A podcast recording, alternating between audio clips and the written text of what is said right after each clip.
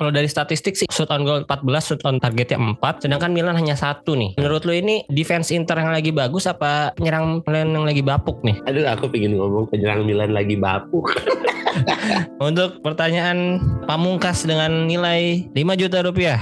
Kali ini jawabannya pemain yang bermain sebanyak 42 kali, 5 gol, 5 assist adalah Kemarin tuh kan lu bilang mau bikin special show lah ya, judulnya Laki Habis. Itu gimana Kang? Apakah jadi tahun ini? Mudah-mudahan doakan ya. Lagi nyicil-nyicil bikin materi dan juga ingin nyari-nyari tempat karena nggak pingin terlalu gede banget. Sebenarnya gue nggak pingin yang gede banget, banyak orang juga nggak nggak terlalu pingin. Tapi yang terlalu kecil juga nggak pingin. Jadi kapasitasnya sedang-sedang lah. Mudah-mudahan insya Allah tahun ini. Bulannya udah ada belum Kang? Rencananya di Kira-kira persiapannya udah berapa persen nih berarti? ya kalau dihitung dari persiapan membuat materi berarti sekarang udah 5%. Waduh.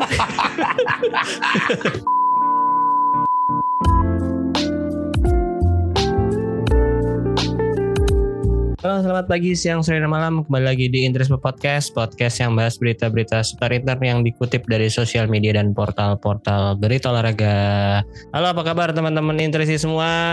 Nah, pasti lagi pada tersenyum semua nih karena akhirnya kita menang lagi di Derby Milan dengan skor 1-0. Jadi ini gua ngeteknya tepat di hari derby ya. Jadi paginya nonton derby, siangnya langsung gua tag episode kali ini nih. Dan lagi-lagi gua bersama orang yang tiga kali mampir ke podcast gua nih. Alhamdulillah dia mau lagi. Gua ajak ngobrol. Langsung aja gue berikan Kang Randika Jamil. Halo Oi. Kang Randika. Gimana Halo. kabarnya nih? Wih, tersenyum. Semalam nonton nggak? Nonton dong. Full match ya, begadang ya. Iyalah, derby di La Madonnina tuh harus ditonton, bro. Gokil, gokil. Kalau menurut lo gimana nih Kang? Semalam Inter menang, reviewnya gimana? Nah, kalau menurut gue sih ya kayaknya mengulang kejadian di itu ya super super Itali eh super, Super Itali ya? Copa yang di Arab Eh, itu ya. Copa Eh, yang di Arab itu ngulang-ngulang doang sih. Dan juga mainnya kan di ini Giuseppe Meazza Mm-mm. hitungannya. Jadi kayaknya lumayan menyerang dari awal, inisiatif menyerangnya lebih banyak lagi. Terus juga yang dituruninnya Zeko sama Lautaro lumayan lah, lumayan menggebrak lah kanan kirinya. Cuman sayangnya kan eh, Walter Samuel nggak diturunin ya. Eh, Walter Samuel. Udah nggak ada dong. Dia udah jadi pelatih Argentina. Kemarin Piala Dunia dia Iya. angkat piala. Iya. Terus juga umpan umpan Veron tuh bagus banget ke Lautaro. beda zaman dong, beda zaman. Nah, semalam kan Inter menang dengan skor 1-0 yang gol itu Lautaro Martinez ya, umpan dari cornernya Calhanoglu dan lagi-lagi di akhirnya membobol gawang Tatarusanu setelah kemarin di Supercopa juga gol eh, gol ketiga ya di Supercopa golnya cakep tuh yang pakai outside foot. Iya. Gol ketiganya Inter, tapi kali ini dia satu gol aja. Sebenarnya ada beberapa peluang lagi ya seperti yang akhirnya offside juga tuh di penghujung babak kedua, terus Barella Calhanoglu juga punya banyak peluang. Kalau dari statistik sih shoot on goal 14, shoot on targetnya 4, sedangkan Milan hanya satu nih. Nah, Hmm. menurut lu ini defense Inter yang lagi bagus apa penyerang Milan yang lagi bapuk nih? Aduh, aku pengen ngomong penyerang Milan lagi bapuk. Tapi kayaknya memang tengahnya lagi lumayan kuat banget ya. Miki, Calhanoglu, Barella, tengahnya tuh jadi hidup banget gitu si Internya. Mkhitaryan gue salut banget walaupun umurnya udah tua, gila dia ngecover areanya luar biasa luas banget. Calhanoglu juga eh, sempat fansnya Milan tuh siapa yang bilang eh, namanya siapa ya? Eh, Kemal kalau nggak salah namanya Kemal. Kenapa tuh Bang Kemal bilang apa? dia sempat bilang Calhanoglu tuh eh, bagus tapi angin anginan seringnya jelek seringnya jelek tapi terbukti di Inter menurut gua lumayan banyak peluang-peluang bola-bola kreatifnya tuh dibukanya dari Calhanoglu sama Mkhitaryan yang bisa Hmm. ngebuka ruang tengah jadi lebih luas lagi gitu muterin bola segala macem karena Calhanoglu dan Mkhitaryan itu DT dia kan sebenarnya Mkhitaryan ngeganti buat Brozovic kan Mm-mm, mm-mm. sama Brozovic cedera jadi akhirnya Mkhitaryan dan dia malah nunjukin performa yang cukup lumayan bagus nih di beberapa pertandingan ke belakang gue malah ketika Mkhitaryan kalau ditarik tuh jadi rada deg-degan Mm, mm, mm, ya. gitu jadi memang tiga kurcaci di tengah ini Inter Milan kecil-kecil bertiga tapi Iya. oke Ya menurut gue juga satu lagi tadi yang belum disebut Barella juga oke banget ya Barella percaya diri banget di babak pertama. Bahkan dia sempat juggling-juggling di kotak penalti sendiri kan itu yang Oh, waktu iya. serangan Milan terus dia juggling-juggling akhirnya jadi counter attack. Hmm. Itu pede banget sih dia memang di babak pertama Inter menguasai pertandingan banget, tapi di babak kedua Milan agak sedikit bangkit nih setelah masukin Leo sama Brahim Diaz ya. Mm-mm. Kan di awal mereka juga gue juga agak bingung dia main 3-5-2 bukan formasi yang biasanya Pioli pakai tuh. Ya, dia main ya. penyerangnya pakai Giroud sama Divock Origi. Si Leo masih disimpan. Nah, itu gue juga agak kaget tuh kok berani-beraninya nih Pioli mainin eh, dengan formasi yang bukan mereka banget. Ya ya ya. Sama sama satu lagi, gue tuh malah aneh kenapa Leo nggak dimasukin dari awal. Padahal Hmm. gue tuh selalu takut kalau lawan Milan, takut sama Leo, Iya benar-benar. sama eh, Brahim Diaz, Leo, sama si Theo Theo Fernandes. Di Hernandez ya. It- Iya. Itu tuh yang paling sering merepotkan Inter beberapa kali kita tanding lawan Milan. Mm-mm. Jadi lumayan keteteran karena cepet banget sih. Leo tuh udah kayak ini kayak copet. Kalau udah bawa bola, bawa bola langsung lari, bawa bola langsung lari. Anjir cepet banget larinya. Nah pas kemarin dimainin di Fok Origi, gue sedikit rada tenang gitu. Karena kan nggak tahu kalau gue ya ngelihatnya Hmm. back Inter sekarang tuh bukan back lari, apalagi tiga tiga yang kemarin ya, tiga yang main, Skriniar, Acerbi sama Bastoni kan. Ya. Nah itu tuh kan bukan tipikal pelari yang cepet gitu. Hmm. Kalau waktu itu kan pas eh, kemarin main sebelumnya Darmian sempat ditarik ke belakang kan, Mm-mm. jadi center back tuh bukan jadi winger. Nah itu masih rada lumayan bisa lari. Tapi kalau kemarin tuh gue rada deg-degan. Tapi pas lihat di Fok Origi, wah ada tenang. Untung Iya. Pioli lagi kesambet kayaknya. Iya iya. Ya terus ngomong-ngomong derby, kita nih sebenarnya lu inget gak Kang? Yang tahun lalu kita ngetek juga nih pas abis derby juga, yang tahun Iya, lalu iya. 2022. Tapi sayangnya waktu itu Inter kalah. Kalah. Nah kali ini menang nih Kang, alhamdulillahnya. Dan ya waktu itu kan juga setelah setelah derby sebelum pertandingan Liverpool sama Inter yang tahun lalu kita bahas tentang derby sama Champions ya. championnya. Nah, oke, next. Tadi kan lu ngomong backnya ada Skriniar, Acerbi, Bastoni. Skriniar itu kan udah ada kabar nih kemarin di bursa transfer. Skriniar bakal pindah musim depan dengan syarat free transfer gratis gitu ke PSG. Nah, menurut lu kalau udah kayak gini kan Skriniar tuh harusnya tetap dimainin apa disimpan aja? nggak tahu ini menurut pendapat gua aja yang blow on ya. Kalau misalnya memang udah 99% mendingan simpen aja deh. Maksudnya coba godok pemain yang lainnya untuk bisa kompak gitu. Kalau misalnya nanti kan screennya udah pasti bakalan Hmm. cabut misalnya. Kan udah pasti bakalan ada celah kosong tuh di rolling back-back mudanya kayak gitu. Kayak siapa back muda kita ya? ada Alessandro Fontana Rosa, terus ada Oh, iya. Lorenzo Pirola yang sih dipinjem-pinjemin. Ada Iya. beberapa beberapa sih yang yang dari Primavera lah. Menurut Iya, lu jadi maksudnya mendingan lumayan. mainin mereka aja ya, kasih menit bermain ya. Iya maksudnya bisa kayak kemarin kayak Darmian ditarik dulu terus buat Oh, iya. menit bermainnya di menit 70 gitu 75 masukin atau enggak udah tinggal 10 menit terakhir ya nggak masalah. Yang penting kan ada minute playnya kan. Dia nyobain ngerasain gimana si Liga Italia gitu. Daripada nih dia terus dimainin nanti kita harus nyari penggantinya yang nggak tahu nih. Ini aja Acerbi kan minjem kan.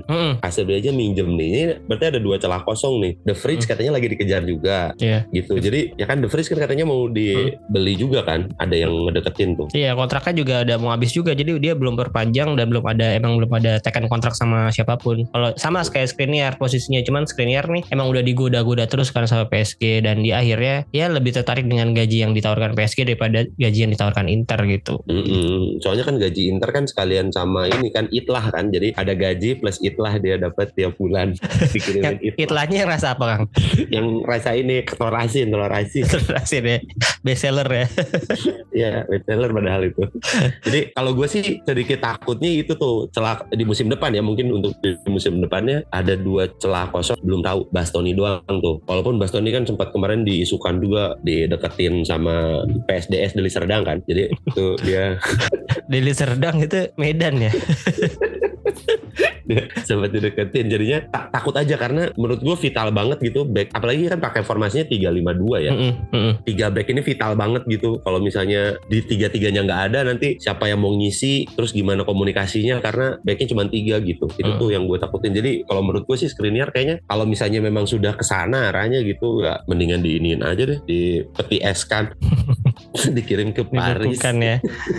Iya iya. Ini kemarin kan juga sempat ada beberapa drama juga ya. Karena udah bocor tuh beritanya dia bakal tekan kontrak sama PSG, dia jadi takut sama fans-fans Inter yang bakal ngamuk Kurvanort ya. Kurvanort kan agak agak keras gitu biasanya. Jadi dia takut dibuin waktu lagi main. Jadi akhirnya minta agentnya udahlah buruan gue dijual musim ini aja di Januari kemarin. Namun akhirnya gagal Kak, karena si PSG-nya nggak mau bayar nominal yang diminta Inter kalau nggak salah 15 atau 20 juta. Dia maunya cuma bayar 10 juta. Nah akhirnya setelah dia nggak jadi pindah di Januari ini, dia tuh ketemuan sama fans-fans Kurvarnor perwakilannya dan mereka tuh di sana berembuk lah dan menjelaskan situasi sebenarnya seperti apa. Nah ini semalam Kurvanort itu ngebagin selebaran Kang, selebaran di tribun mereka penjelasan klarifikasi Milan Skriniar situasinya. Nah ini kalau gue bacain sedikit ya dari akun neroblue.id ini udah ditranslate sama mereka. Skriniar mengatakan pada kami bahwa musim panas lalu Inter memasukkan namanya ke daftar jual tanpa persetujuan dan memintanya untuk mencari tim baru. Terus akhirnya kontak terjalin dengan PSG dan Inter terlihat sudah sangat yakin untuk melepasnya. Namun Inter mendadak berubah pikiran dan meminta nominal yang tidak disanggupi oleh PSG. Setelah transfer gagal, Skriniar setuju untuk menurunkan permintaan gajinya demi membantu Inter. Dia bahkan merelakan selisih hingga beberapa juta euro. Hmm. Melihat hal tersebut, kami bisa mengatakan bahwa masalah ini adalah uh, bentuk kelalaian dari manajemen dan kami harap bisa menjadi pelajaran dan semoga tidak terulang untuk ke depannya. Dari hati kami, kami akan selalu melangkah ke depan bersama Inter. Kami setuju bahwa Skriniar sudah tidak berhak mengenakan ban kapten Inter, namun ia berhak dihormati atas semua yang ia berikan di lapangan. Nah, jadi setelah mereka ketemuan, akhirnya dijelasin semuanya menurut Skriniar dan menurut fans-fans itu, ya ini kesalahannya di manajemen sih, karena manajemen mungkin udah kayak pengen jual dia, terus nggak jadi, eh jadi tarik ulur lah soal kontraknya, gitu kak. Ya, ya, ya, ya, ya.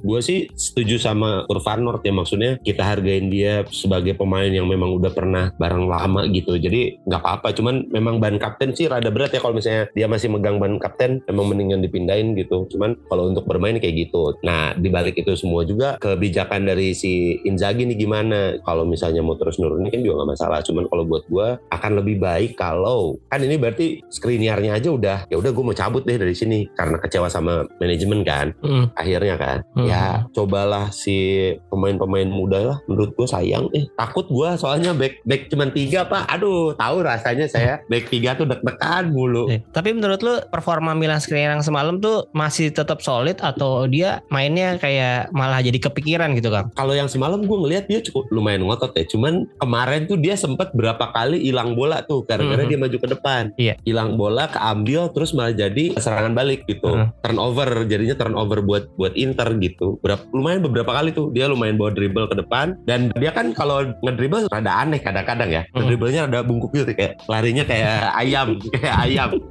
Terus juga kontrol ballnya tidak terlalu baik. Ya maksudnya skill untuk gocek sana sini kan nggak nggak sebegitu jagonya Hmm. kayak pemain tengah kan. Jadi berapa kali kena ke tackle terus akhirnya jadi turnover gitu. Rada Iya. rada ngotot cuman sedikit rada ceroboh aja beberapa kali. Hmm, Iya setuju sih kelihatan. Semalam yang gue inget yang ketika dia ninggalin posnya jauh banget, hmm. terus ke tengah gitu gocek-gocek dikit kerebut, nah itu ketinggalannya jauh banget tuh, hampir jadi golnya Giroud kalau nggak salah Giroud, Giroud, tapi nggak dapet touchnya nggak lagi bagus, bolanya kerebut, nah itu lumayan fatal banget sih menurut gue itu bisa jadi gol penyeimbangnya Milan. Iya, iya, iya. Ada ceroboh aja deh di kemarin. Nah, kalau menurut lu kan semalam juga yang jadi kapten udah bukan Skriniar ya, Ah, udah jadi Lautaro Martinez. Nah, menurut lu eh, dengan nggak adanya Skriniar musim depan atau si Handanovic juga udah pindah, apakah Lautaro jadi orang yang cocok untuk mengemban ban kapten Inter musim depan? Wah ini nih, gue tuh merasa Inter kalau musim depannya belum ada sosok yang cocok untuk jadi kapten sih. Ya Lautaro ya oke lah. Tapi entah kenapa gue lebih eh, lebih suka kalau misalnya dipakai sama Barella ya. Mhm. Cuman Barella tuh masih terlalu emosian, meletup-letup gitu loh. Hmm. Untuk menjadi seorang kapten tuh takutnya nanti kepancing emosinya lebih cepat gitu kesulut emosinya. Itu juga makanya kenapa gue rada ragu. Sebenarnya kalau dilihat dari performa dan layak apa tidaknya dilihat dari umur ya, Mkhitaryan tuh cukup lumayan tenang gitu. Cuman dia kan belum terlalu lama di Ya, Inter. masih baru. nah, emang Betul. orang yang pertama paling lama sih sebenarnya si Brozovic ini ya. Iya. Brozovic tuh yang paling lama kalau dihitung dari masa jabatnya di Inter sekarang tuh dia dari 2014 atau 2015 gitu. Terus yang sisanya ya emang si Lautaro itu yang kemarin akhirnya jadiin kapten. Mm-mm. Barella kan masih agak lebih baru ya 2019 dia baru di Ya, Inter. ya, ya, ya. Cuman ya itulah belum belum ada yang karena Brozovic juga kan sempat diisukan juga mau dibeli-beli sama Liverpool kan. Mm, mm, mm. Mm-mm. Iya, banyak yang ngincer juga dia. Iya, jadi masih banyak spekulasi yang terjadi. Jadi kalau misalnya nanyain musim depan tuh, nah itu sisanya kan berarti Darmian atau nah juga sih, makanya itu nggak ada sosok yang kuat sebagai ini gitu. Bastoni masih terlalu muda. Iya, Bastoni muda banget sih. Jadinya walaupun dia kan dari akademi ya, Di- fantasi, akademi fantasi. Avi dong menuju puncak. Lagi macet nih. Iya. Iya, iya. Bastoni Jadi dari Akademi Atalanta Kang, yang dari Akademi Inter itu si Federico Di Marco. Di Marco, ya. Mm-mm. Di Marco, tapi kan Di Marco sempet cabut dulu kan. Dipinjem-pinjemin. Mm-mm. Eh, pinjem-pinjemin. Jadi maksud gua yang kayak gitunya tuh masih belum tahu ya. Tapi ya yang paling cocok mungkin karena lamanya bermain ya sama Inter ya Lautaro sih. Mhm. Lautaro juga semenjak mengemban ban kapten dia kan awalnya dia dulu udah datang ke Inter tuh menggebu-gebu banget ya dia. Mm-mm. Yang julukannya eh, El Toro, Toro. banteng gitu, seradok seruduk seradok seruduk. Terus ketika di Volin emosinya eh, mudah tersulut gitu. Cuman selama beberapa pertandingan gue lihat karena dia pakai ban kapten dia jadi agak lebih kalem gitu Kang sekarang. Mungkin Mm-mm. dia ya ini juga ya memposisikan dirinya sebagai kapten cukup bisa lah ya untuk beberapa pertandingan kali ini ya Ya, ya. kalau menurut gue ya biasanya kan dia ya dikit-dikit kalau misalnya di volin dijatuhin langsung emosi ke wasit ya. malah akhirnya dia jadi kena kartu kuning kan benar. Nah itu ya Barella juga kadang-kadang gitu tuh Barella mungkin karena dia masih jiwa-jiwa muda juga masih ya komplain-komplain mulu lah ke wasit Iya. Kayaknya Oke. kalau yang cocok jadi kapten Javier Zanetti deh kayaknya turun lagi jadi kapten dia. Sudah main ya masih bisa kayaknya itu 50 tahun juga dia gantiin posisi Darmian ganti-gantian masih kuat dia kayaknya si kuat, si kuat. Lawan lawan yang ngebut-ngebut sekarang, ih si kuat.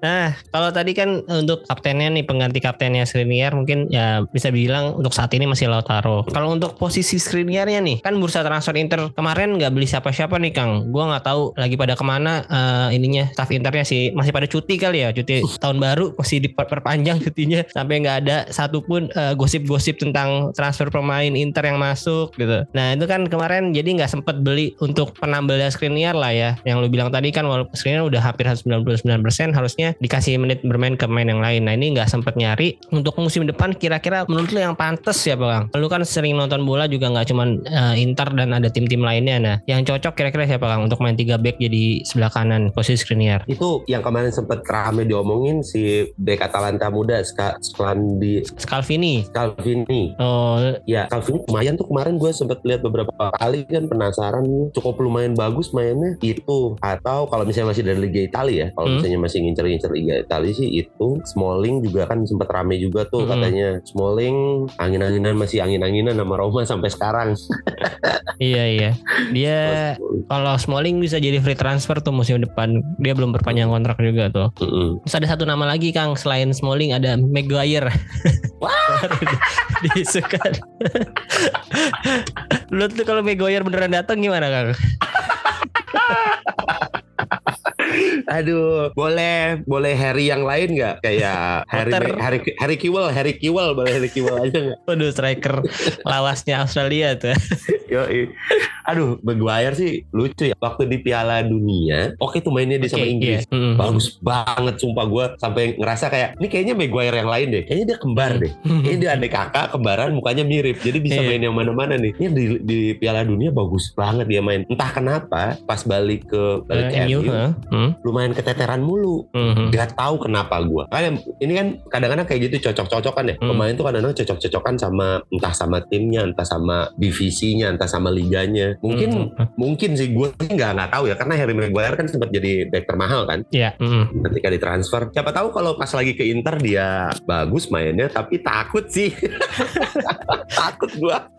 Takut dibully ya. Jadi karena track recordnya aja ya. Sebenarnya kan pemain-pemain MU juga yang datang ke Inter tuh yang dulunya jadi cemoohan kan kayak Lukaku, Iya. Darmian, Asliang. Nah siapa tahu bisa bisa jadi si Maguire ini jadi salah satu eh, melakukan hal yang sama kayak Lukaku ya waktu itu dia didatangkan eh, dengan banyak ekspektasi buruk gitu. Terus datang ke Inter jadi pemain yang oke banget. Ya, ya, ya, ya, bisa mungkin sih, mungkin mungkin. Cuman kan track recordnya juga pemain Inggris yang berhasil di Liga Italia nggak banyak tuh. Hmm, cuman Iya kan? Asliang doang kemarin Nah. di Inter. Iya kan? Iya. Sebelum sebelum itu tuh banyak banget Paul In sempat bikin. Mm, Itu juga terus biasa aja maksudnya nggak Mhm. nggak yang jadi keren segala macam gitu. Jadi kan secara sejarah juga rada sulit nih pemain Inggris, orang Inggris ya maksudnya Hmm. orang Inggris main di Italia gitu jarang-jarang ada. Nah tapi siapa tahu lah dia bisa menuliskan sejarah baru jadi back Inggris yang ternyata main bagus banget di Liga Italia. Ya, kita lihat nanti aja Kang. Kalau di luar nama-nama tadi yang diisukan, kalau nama yang pengen banget lu dia join ke Inter untuk gantiin Skriniar siapa Kang? Ah, Elkan Bagot? Aduh. Ipswich Town ya, Ipswich Town. Elkan Bagot lagi. Eh, siapa ya gue ya? Gak boleh narik lagi tari bowes ya. Tari bowes. Jangan dong. Nanti susah ngepang rambutnya. gue tuh, gue tuh sebenarnya rada rada kesal pas Juve dapet back Torino itu tuh si siapa? Bremer, Bremer ya. Bremer. Hmm. Bremer bagus bagus banget lagi mainnya. Di luar nama-nama itu, back oke siapa ya? Yang di Piala Dunia kemarin yang bikin lu ya. tertarik gitu Piala Dunia kemarin tuh. Piala Dunia kemarin. Lu nonton Piala namanya? Dunia apa nonton hal menurut, menurut ininya doang Kang? Taruhannya doang Kang? Gak ada. gue nonton Piala Dunia. Karena kalau gue gue kan suka Argentina ya. Back Argentina tuh nggak nggak terlalu nggak sekuat itu. Maksudnya mereka Iya. cepet gitu. Iya, Bukan yang back- tinggi gede. Argentina tuh kemarin eh, Otamendi, Otamendi sekarang main di mana ya? Gue lupa juga. Terus Lisandro Martinez tuh yang di MU sekarang sama Romero yang uh, bek Tottenham. Dan bukan tipikal yang gede tinggi gede kayak Skriniar gitu kan. Mhm. Paling ya Romero itu yang agak tinggi tuh Romero. Ya lumayan sih. Tapi Romero tidak terlalu ya tidak terlalu menonjol biasa aja gitu. Hmm. Jadi nggak ada back siapa lagi back back Maroko back Maroko ada back Maroko. Oh iya, siapa tuh namanya? Duh, yang Roman. Sais kalau nggak salah Roman Sais namanya tuh. Iya, Kaptennya. iya. Oh, oh enggak, gue tahu. Ini back Kroasia yang pakai topeng Gri. Oh, Gvardiol. Iya iya, Josko Gvardiol. Iya iya, itu benar. Oke tuh, kalau misalnya dia itu Gvardiol kayaknya lumayan cocok lah dengan cara mainnya si Inter gitu. Iya iya, badannya juga mirip-mirip kayak Skriniar gitu. Ya. Sekarang dia main di RB Leipzig kalau nggak salah dan harganya udah mahal tuh Kang pasti. Dia kemarin kan Iya, jadi jadi salah satu pemain muda terbaik lah di Piala Dunia kemarin yang menonjol. Hah. Karena masih muda itu kan dan Hmm, bagus kemarin muda. mainnya cukup lumayan bagus tuh. Oke, kalau begitu eh, ini kan dengan hasil derby kemarin Inter di posisi 2 ya. Sementara itu di posisi satu masih ada Napoli dengan poin Inter 43, Napoli 56. Jadi selisihnya 13 poin nih dengan sisa pertandingan 17 lagi. Nah, menurut lu Inter masih bisa ngejar Napoli nggak nih kira-kira? Tuh, gua sih sebenarnya nggak mau muluk-muluk ya. Napoli Hmm. bagus banget, eh su- susah banget sumpah gua dari kemarin tuh tiap Napoli main gua tontonin tuh. Dan entah kenapa asa itu mulai menghilang ya. Kayak haji Napoli bagus banget mainnya gimana nih gitu. Nunggu mereka kepleset kan rada sulit ya. Hmm. Secara secara konsistensi mereka bermain tuh Hmm. bagus banget tiap kali main bagus. Terus juga timnya lengkap, pelapisnya kuat-kuat gitu loh. Hmm. Jadi tim satu sama tim duanya cadangannya tuh pelapisnya bagus-bagus gitu. Nah gue sih nggak tahu lah. Kayaknya gue tidak terlalu muluk-muluk lah. Bisa bertahan di dua besar aja untuk musim ini ya cukup lumayan gitu. Dengan awal kita musim lalu sedikit terseok-seok segala macam, bertahan di posisi dua udah oke lah dengan sisa 17 pertandingan sih. Oke oke. Jadi saat ini Inter di posisi kedua 43 poin, bawahnya ada Roma yang 40 poin, bawahnya lagi ada Lazio posisi 4 38 poin, cuman masih nyimpen satu pertandingan. Terus posisi 5 6 ada Atalanta sama Milan. Sementara itu yang gak gue sebutin lagi ada di posisi 13 nih Kang. Tahu nggak yang gue sebutin siapa?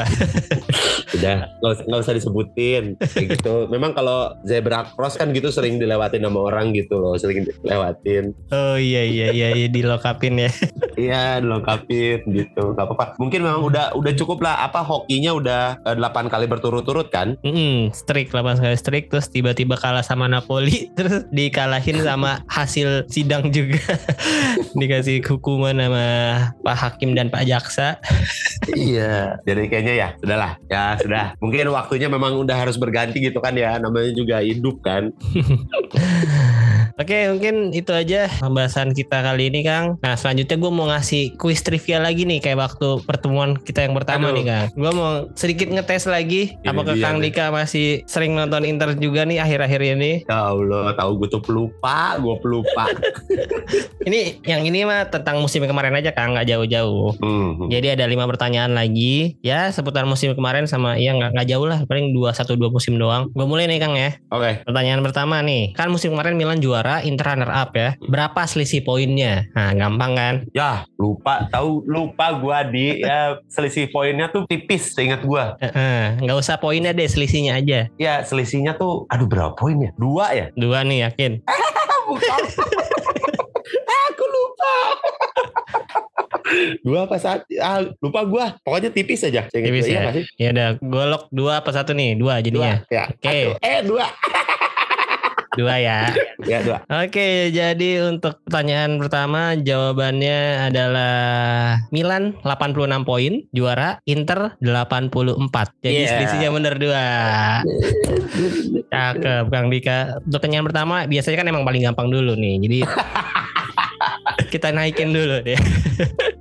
Oke, next pertanyaan kedua. Musim lalu juga jadi akhirnya musim pertama Inter bisa lolos kembali dari grup UCL ya dengan di 16 besar ketemu sama Liverpool kan kemarin. Nah, terakhir kali Inter lolos UCL sebelum tahun kemarin tuh kapan, Kang? Eh, lolos grup UCL sebelum tahun Lolos kemarin. grup. Hmm, lolos grupnya. Kan kalau yang sama Conte kan dia dua kali lolos UCL tapi nggak lolos grup kan dua-duanya. Nah, ini Oh, akhirnya iya. sama, sama Inzaghi lolos grup. Nah, sebelum sama Inzaghi kemarin terakhir tuh kapan? Musim berapa? 2010. 2010 yang Inter juara. Iya. Yakin? Setelah itu soalnya kayaknya nggak nggak lolos lagi deh. Ah, ini nggak nggak lolos grup ya maksudnya ya? Ya nggak lolos grup. Kalau lolos UCL ya kan beberapa kali lah sempet. Ah, ah. iya pas masih Mourinho deh singkat gua. Ah mudah-mudahan ya Allah.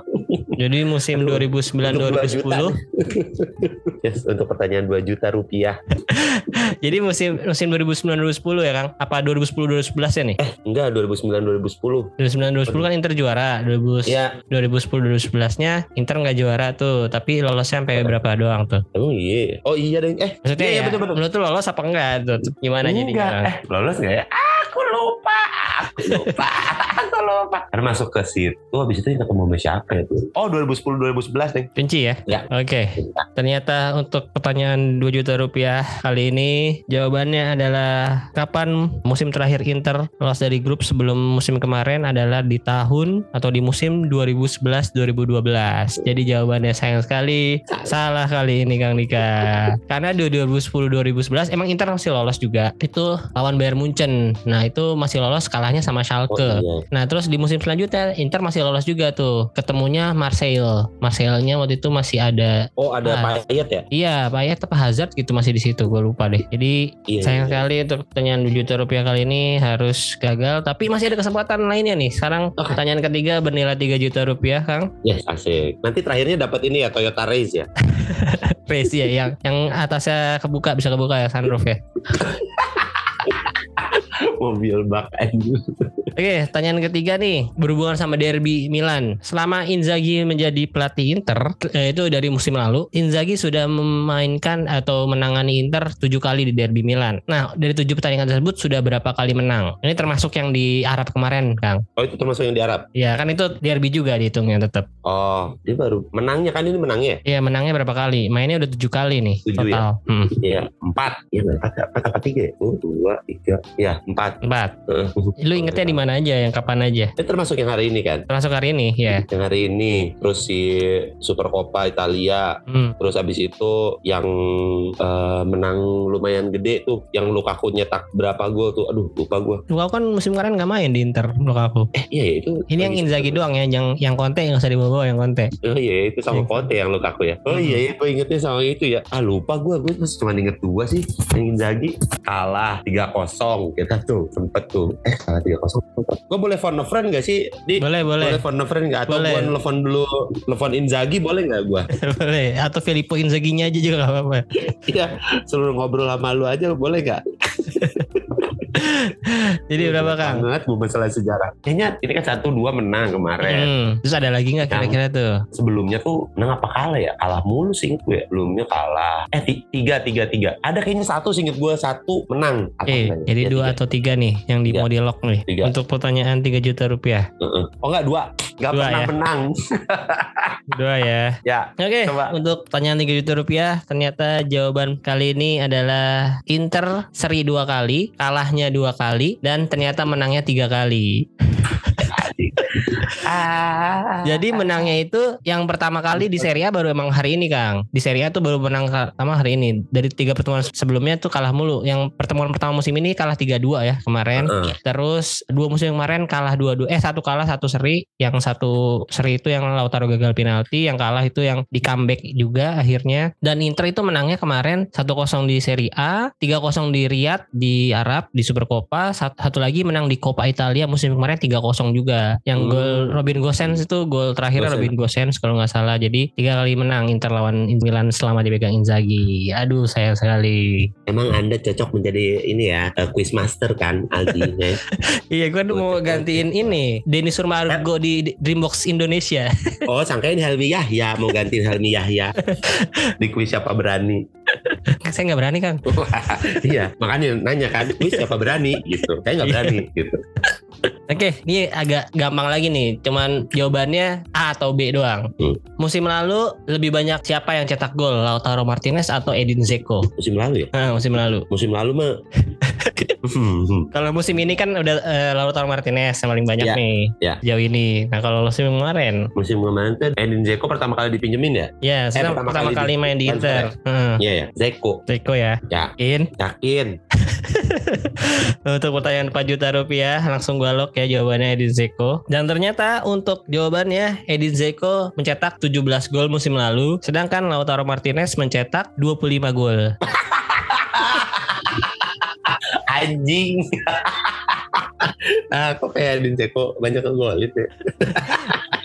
Iya, sama-sama main 49 kali, cuman ternyata Lautaro Martinez yang lebih banyak cetak gol. Karena Lautaro Martinez musim kemarin juga banyak ambil penalti, Kang. Hmm, hmm, hmm. Jadi pilihan penaltinya tuh kan Lautaro Martinez sama Hakan Calhanoglu. Sedangkan. Jeko ya dari open play semua golnya. Ya ya ya. Bali nggak tahu lagi. Oke, pertanyaan terakhir, pertanyaan kelima. Ini gue bacain statistik pemainnya. Lu tinggal tebak siapa ya. Statistik musim lalu dari pemain Inter ini yang main di seluruh pertandingan ya kayak Copa juga dihitung, UCL dihitung, Serie A sama Super Copa. Nah, mainnya ini 42 match, golnya 2, asisnya 5. Siapakah pemain ini? Golnya dua, asisnya lima. Mm-mm, Mainnya cukup Main banyak nih, 42 match. Iya, 42 match ya, asisnya lima soalnya. Hmm. Ah, Calhanoglu. Calhanoglu nggak paling banyak nih. Barella. Barella ya. Kayaknya. Ya Allah, di lu ini bo- boleh nggak sih yang trivia ini nggak usah dimainin? Nggak, gua kelihatan bodoh banget sebagai penyuka Inter. Enggak kan ini kan ya emang agak tricky kan karena gue bikin sengaja nih agak samar-samar di clue-nya. Apa mau gue kasih clue nih, clue tambahan? boleh, boleh, boleh, boleh. Maunya apa? Eh jangan nomor punggung deh. Asal negaranya ada pilihan nih, mau asal negara, posisi sama warna rambut. Anjing. Yang terakhir pasti tidak akan saya pilih karena warna rambut sulit sekali ya. Mendingan saya milih posisi atau enggak juga kewarganegaraan kayaknya. Bagus banget. A- ada nggak kayak eh, ukuran kaos singlet? ada, ada, ada. Kayaknya dia S lah, S kayaknya dia. S Eropa. Anjir lah. Eh, posisi aja posisi. Kayak Posisi ya. Posisinya adalah back. Hmm. Back ini bisa wing back, bisa back ya, Ya. bisa back tengah. Ya, ya, ya. Bukan berarti alat perkiraan gue bukan Barella. Nih, dua gol, 5 assist. Hmm. Wait, dua gol, lima assist. Main 49. 42 42. 42 Hmm. 42. total dari. UCL Copa dan lain-lainnya jadi siapa Kang Di Marco. Federico Di Marco ya Mm-mm. langsung lock Insya Allah. Oke untuk pertanyaan pamungkas dengan nilai 5 juta rupiah kali ini jawabannya pemain yang bermain sebanyak 42 kali 5 gol 5 assist adalah pemain berkeluarga negaraan Italia dan asli produk Akademi Inter Inter Primavera yaitu Federico Di Marco Di Marco. Asik bener Kang Dika emang Karena asisnya banyak nih, asisnya lima kali cukup banyak ya. Jadi emang dia sering-sering crossing banget kan. Andalannya emang crossingnya dia itu yang kaki kirinya cukup oke.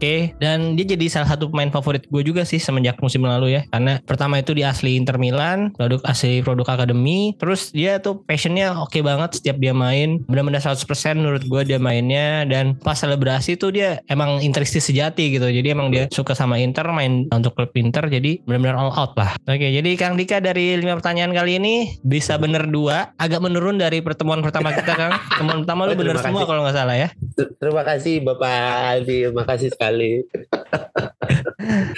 lupa banyak yang lupa di ya Allah. Ya apa-apa, nggak apa-apa maklum. Gue maklumin kan eh, kelahiran 84 berarti udah 39 ya. Anjir, anjir. Iya lagi. Udah mau kepala 4 Kang Dika bentar lagi. Bener. Tapi rambut masih diwarna-warnain aja nih Kang. Sengaja biar terus kelihatan tua. Terakhir ini sekarang lagi warna putih ya kayak Ravanelli ya. Apalagi biru sih ini kan? Putih atau biru nih Kan kan? ini putih. Putih ya. Nah, gue kan sering lihat beberapa postingan lo di Instagram juga di Instagram Story. Lo sering nganterin yang anak pertama lo siapa namanya Dante ya kalau nggak salah ya. Dante. Ya, dia Iya. ada sering kalau nggak bulu tangkis, kadang-kadang main bola juga nih. Dia lebih suka yang mana Kang? Bulu tangkis sama bola? Dia lebih suka bulu tangkis sih sebenarnya lebih suka badminton dia. Hmm, walaupun yang main bola seininya aja se ya kalau main main biasa aja tapi lebih ke badminton dia Oke, tapi kalau untuk bola udah lu doktrin-doktrin buat suka in- Inter belum? enggak gue sih dia suka apa aja terserah lah cuman Sukanya apa Nah, dia memang- sampai sekarang? dia belum belum bilang sukanya apa sih cuman gue nggak nggak pernah maksa anak gue untuk mau apa "Wah, harus inter harus inter Hmm. enggak tapi memang bajunya gue beliin baju inter terus gue spray gue pasangin inter terus Wallpaper, wallpaper. pokoknya semuanya gue pakein inter. Bahkan di mobil gue pasangin safety seat belt pegangan seat belt inter. Jadi mungkin secara tidak sadar dia sedang didoktrin Kalau anak lu yang kedua, dia lagi suka main apa nih? dia sih enggak dia lagi lagi suka ah random lah dia Kemarin gue lihat lu apa. habis main Tamiya tuh, dia Mm, ikut-ikutan nggak Tamiya? ikut senang terus lagi kemarin main sepatu roda dia ikut main sepatu roda Hmm. nyobain semua terus terus habis itu main ice skating ikut main ice skating rencananya habis ini mau bungee jumping sama para layang Ekstrim ya, kayak si Moana tuh udah diajak jet ski.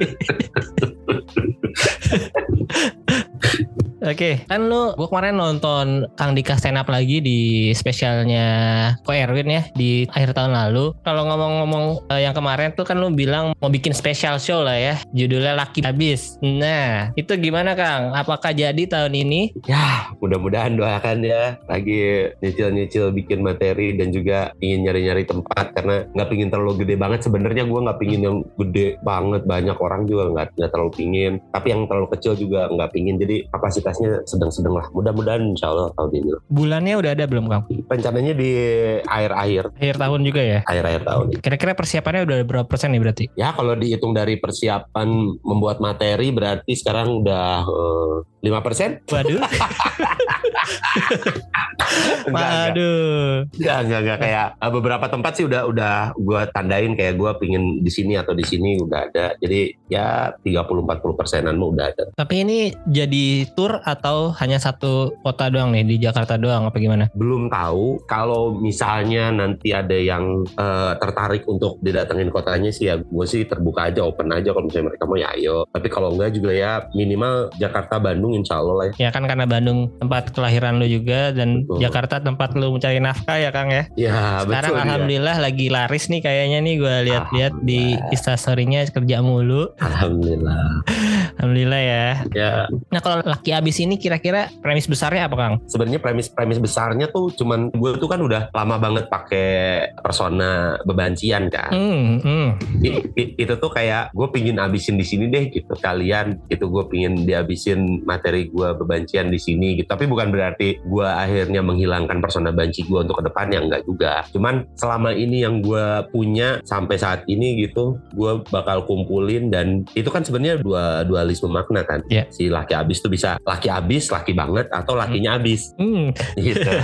Jadi ada Iya sih. tergantung orang mempersepsikan itu. Jadi nanti gue mau pakainya tuh kayak laki abis tanda tanya tanda seru. Oh iya iya iya bisa jadi pernyataan bisa jadi pertanyaan ya. Betul. Gitu. Oke. tergantung lu ngelihat. Oke, nah ngomong-ngomong bebancian, lu udah ada podcast baru nih yang akan tayang besok 7 Februari. Namanya adalah Cantik dari Dalam ya Kang, sama Bang Diki Divi sama yang baru nikah kemarin Bang Yusril.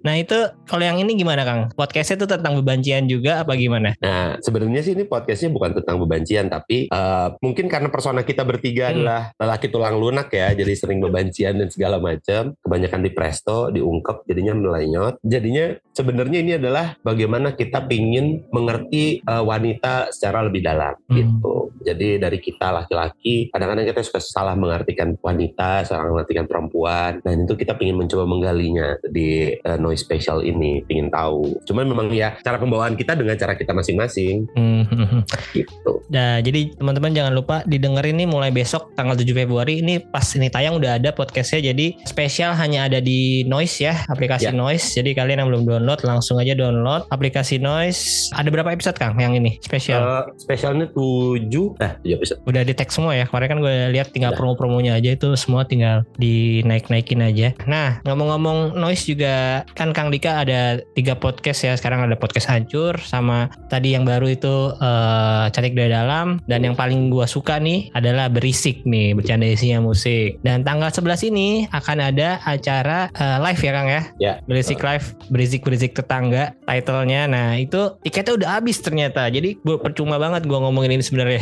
tadi udah habis, udah ludes habis. Eh, nggak nyampe dua menit kalau nggak salah. Tadi gue baca di grup-grup Paranois juga. Itu luar biasa banget sih. Ini berarti live keduanya beri. Eh kedua apa ya? Ya, kedua. Yang kedua ya. Nah ini kalau yang ini bahas apa kang live-nya besok? Ini sih ya karena kita juga udah kangen kangen sama live podcast kan terus juga sekarang si Noise sudah ada Noise Space yang memang bisa support dari tempat gitu walaupun memang nggak banyak makanya buat si para noise yang nggak kebagian kita doain aja mudah-mudahan abis ini bakalan ada lagi yang lebih besar lagi skupnya gitu bisa nampung lebih banyak lagi cuman ini kayak satu langkah lagi setelah The Lost episode 100 Hmm. habis itu 200 episode kita nggak bikin live kita bikin live lagi kita pingin apa ya ya yang pertama pingin ketemu sama para noise lagi pasti itu mah terus juga kita pingin ngebawain ada segmen-segmen di berisik itu akan kita coba bawain Oh live ya. Jadi ada berisik Asik. FM. Bercak Ya. ada nggak bercak? nanti lihat aja sendiri ya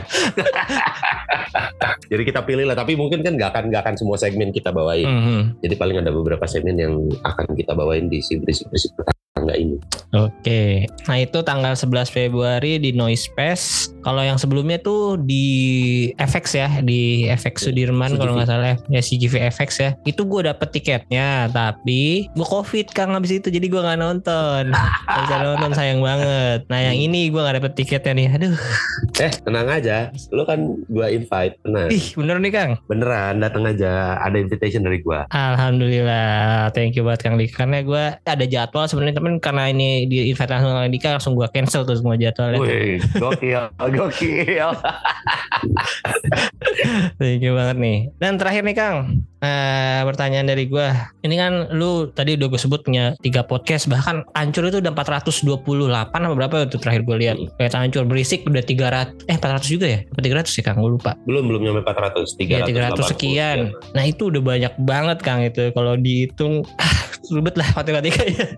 Mau dijumlahin ribet. Nah, gue mau tanya dong nih, tips untuk gua dan teman-teman lain yang mau jadi podcaster atau yang mau produce podcast mereka sendiri itu gimana tipsnya, Kang? Oke, tipsnya sih kalau lu misalnya mau bikin podcast sendirian yang pasti lu emang harus suka sama apa yang lu omonginnya dulu gitu. Itu yang pertama supaya kayaknya keluarnya jadi apa ya organik aja gitu. Hmm. Lu keluarnya organik beneran lu suka, lu niat-niat lu awalnya adalah kalau misalnya mau bikin podcast, gue sih selalu bilang ini, lu harus suka sama seninya dulu, seni membuat podcast gitu. Karena kan ini audio platform Hmm. gitu. Dan uh, audio platform tuh sebenarnya tidak butuh effort banyak untuk ngetik dan ngebuatnya. Jadi kalau misalnya less effort tapi lu bikin ini jadi beban jadinya akan berat. Tapi kalau lu ini kan less effort dan lu ngebikinnya dengan senang jatuhnya jadi keluarnya secara organik dan sincere tulus gitu. Jadi orang yang ngedengerin juga beneran ngerasa kayak ya kita beneran lagi diajak ngobrol atau enggak oh ini ada wawasannya. Oh ada apanya gitu. Dari situ dulu sih menurut gua awalnya. Dan memulainya kan juga mudah ya udah nggak susah. Sekarang lah al- alat-alat podcast tuh udah nggak mahal-mahal banget gitu carinya Hmm. udah banyak. Eh, jangan lupa carinya di Tokopedia.